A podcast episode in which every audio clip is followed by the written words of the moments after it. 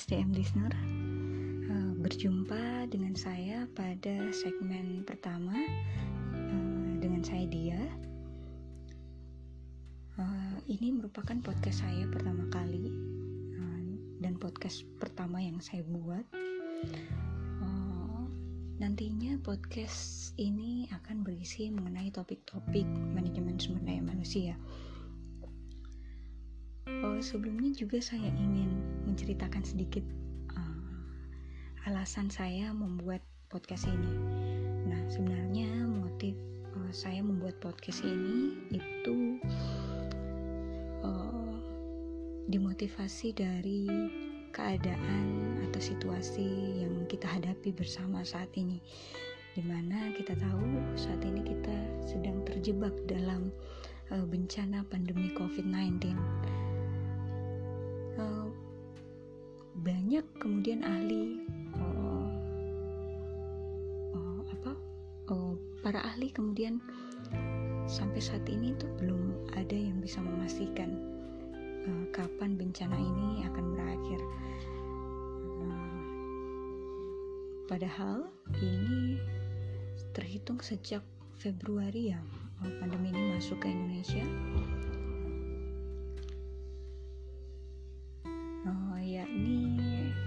jika kita kira-kira sudah oh, ada tiga bulan pandemi ini oh, menjangkit Indonesia atau menyebar di Indonesia. Uh, namun dampak COVID-19 ini telah kita rasakan dampaknya sangat luar biasa, bahkan sampai mengubah atau uh, dampaknya pada sampai pada perubahan pola perilaku masyarakat kita uh, di mana dogma-dogma untuk stay at home di rumah aja itu kemudian sangat meningkat intensitasnya sehingga berdampak pada pembatasan aktivitas-aktivitas yang memiliki skala yang besar. Oh, salah satu yang terkena dampak adalah dunia pendidikan. Saya salah satu tenaga pengajar di salah satu perguruan tinggi juga merasakan uh, dampak dari pandemi ini, uh, di mana dulunya kita dituntut kemudian untuk bekerja atau mengajar di dalam kelas atau ruang-ruang yang sifatnya konvensional. Nah, sekarang dituntut untuk kemudian juga berubah atau mengubah media-media uh, yang uh, secara tradisional telah kita lakukan. Uh, di mana kita lihat bersama intensitas uh, pendidikan itu kemudian beralih pada media-media dunia maya. Uh, contohnya webinar channel-channel di internet dan sebagainya. Nah salah satu yang menurut saya bisa efektif untuk uh, juga diterapkan ada melalui podcast salah satunya melalui podcast ini. Satu hal yang kemudian uh, mengusik kita saat ini bahwa dampak pandemi ini sepertinya tidak uh, apa namanya uh, perubahan pola perilaku masyarakat kita Eh, selama pandemi ini sepertinya juga akan berlangsung. Uh, meskipun pandemi saat ini meskipun pandemi sudah uh, pulih. Banyak kemudian orang-orang meramalkan bahwa media-media media-media pembelajaran yang basisnya menggunakan internet, dunia maya ini oh, meskipun pandemi telah lewat, itu tetap masih akan dipertahankan oleh masyarakat kita. Memang salah satu keunggulan dari oh, penyediaan media pembelajaran menggunakan dunia maya itu dapat diakses uh, lebih fleksibel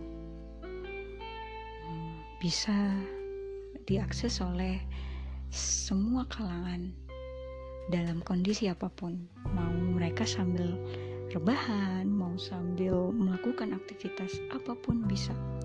Atau menjadi uh, dongeng pengantar tidur juga bisa.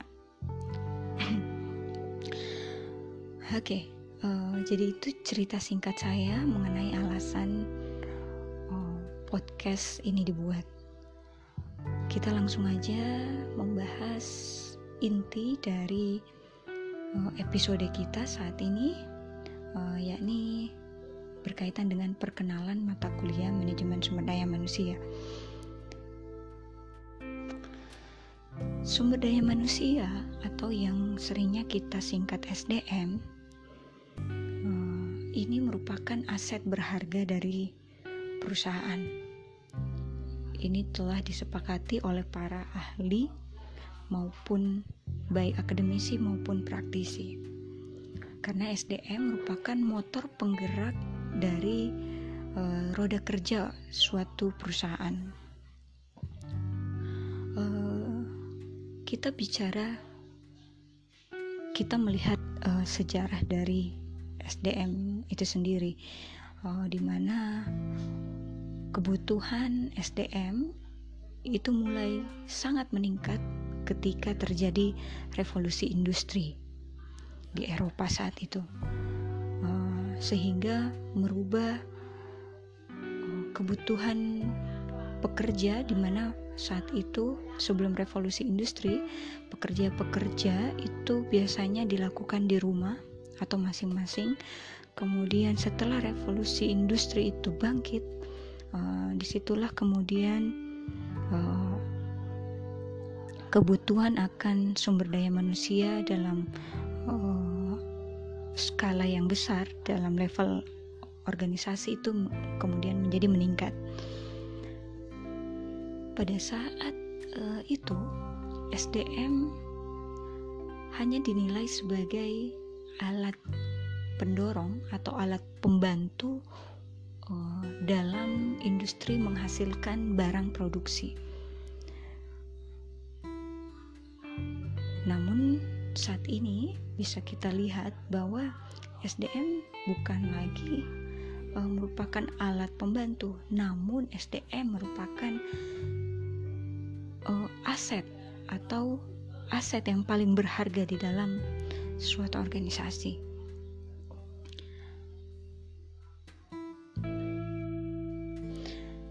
Sejalan dengan uh, hal tersebut, kita umum mengetahui bahwa uh, hampir semua organisasi di dalamnya memiliki struktur uh, yang uh, apa berfungsi mengelola sumber daya manusia.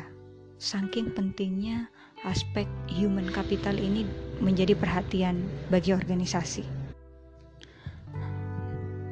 Oleh karena itu, uh, di dalam perusahaan itu sangat familiar kita dengar departemen sumber daya manusia.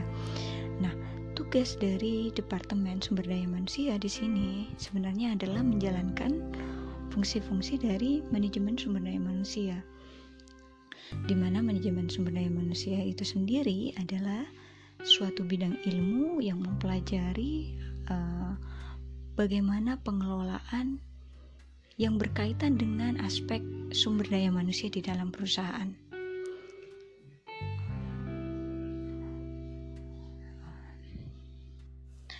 Nah, meskipun SDM ini berdiri dalam departemen tersendiri, namun tentu tidak luput uh, di mana SDM di sini harus menyelaraskan uh, iramanya dengan tujuan strategis perusahaan atau uh, tujuan uh, perusahaan.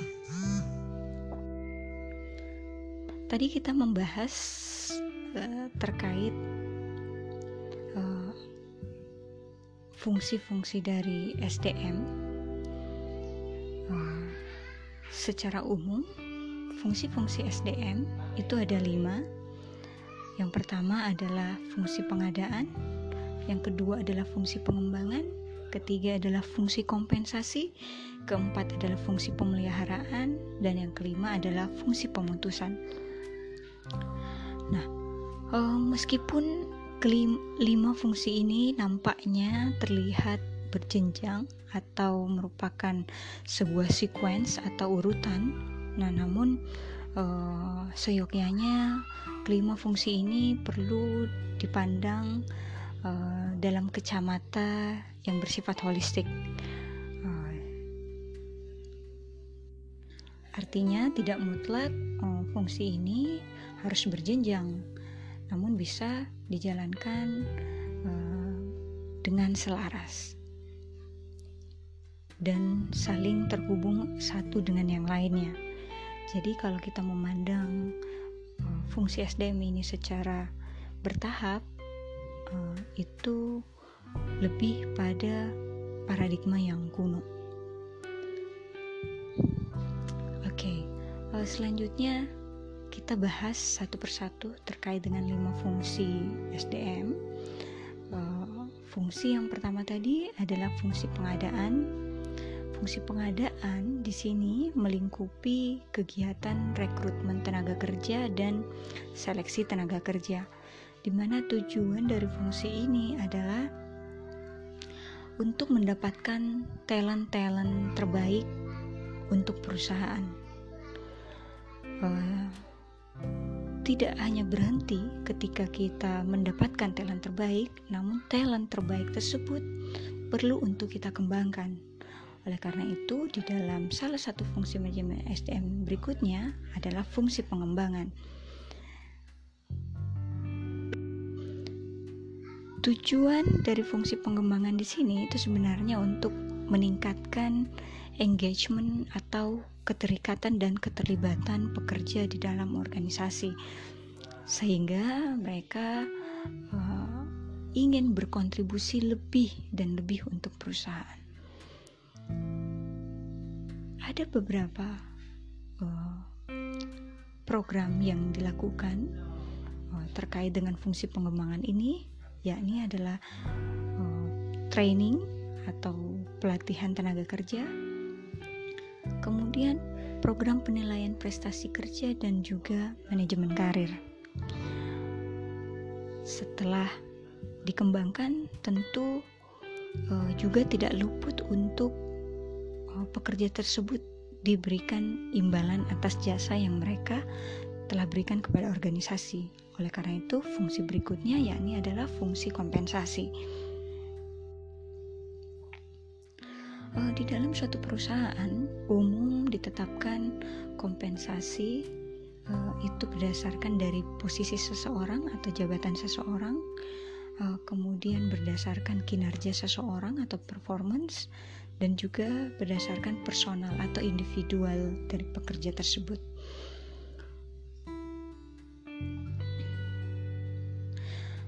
Selain fungsi kompensasi, berikutnya adalah fungsi pemeliharaan. Fungsi pemeliharaan tentu juga untuk meningkatkan engagement dari uh, pegawai, pekerja untuk tetap tinggal di dalam organisasi. Bentuk pemelih fungsi pemeliharaan di sini berupa employee relation atau hubungan pekerja. Hubungan pekerja di sini itu mencangkup uh, hubungan pekerja dengan pekerja yang lain, hubungan pekerja dengan pengusaha atau organisasi, hubungan pekerja dan organisasi dengan pemerintah. Nah, jadi concern pada hubungan kerja atau membangun employee relation di sini adalah uh, bagaimana perusahaan atau segenap lingkungan kerja ini menciptakan uh, budaya atau lingkungan kerja yang positif sehingga uh, para pekerja merasa nyaman untuk bekerja di dalam organisasi. Selain itu juga ada aksi terkait dengan keamanan, kesehatan dan keselamatan kerja di mana kita tahu tadi bahwa human capital merupakan uh, concern uh, organisasi saat ini sehingga hal-hal uh, mendasar terkait dengan keamanan, kesehatan dan keselamatan itu perlu menjadi fokus perhatian dari uh, khususnya untuk Departemen SDM. Fungsi terakhir adalah fungsi pemutusan hubungan kerja. Uh, konsep pemutusan hubungan kerja di sini bisa dilakukan uh, baik secara sukarela maupun tidak sukarela. Oke, itu tadi pembahasan kita terkait dengan fungsi-fungsi SDM, kemudian tugas dari Departemen SDM. Untuk selanjutnya di episode mendatang kita akan membahas lebih spesifik lagi karena saya yakin masih banyak nih yang bertanya-tanya uh, apa uh, spesifik dari fungsi-fungsi dari uh, S, dari fungsi SDM itu tadi. Oleh karena itu uh, stay tune di podcast uh, kali ini sampai jumpa pada episode mendatang. Uh, sekian SDM listener. Sampai jumpa lagi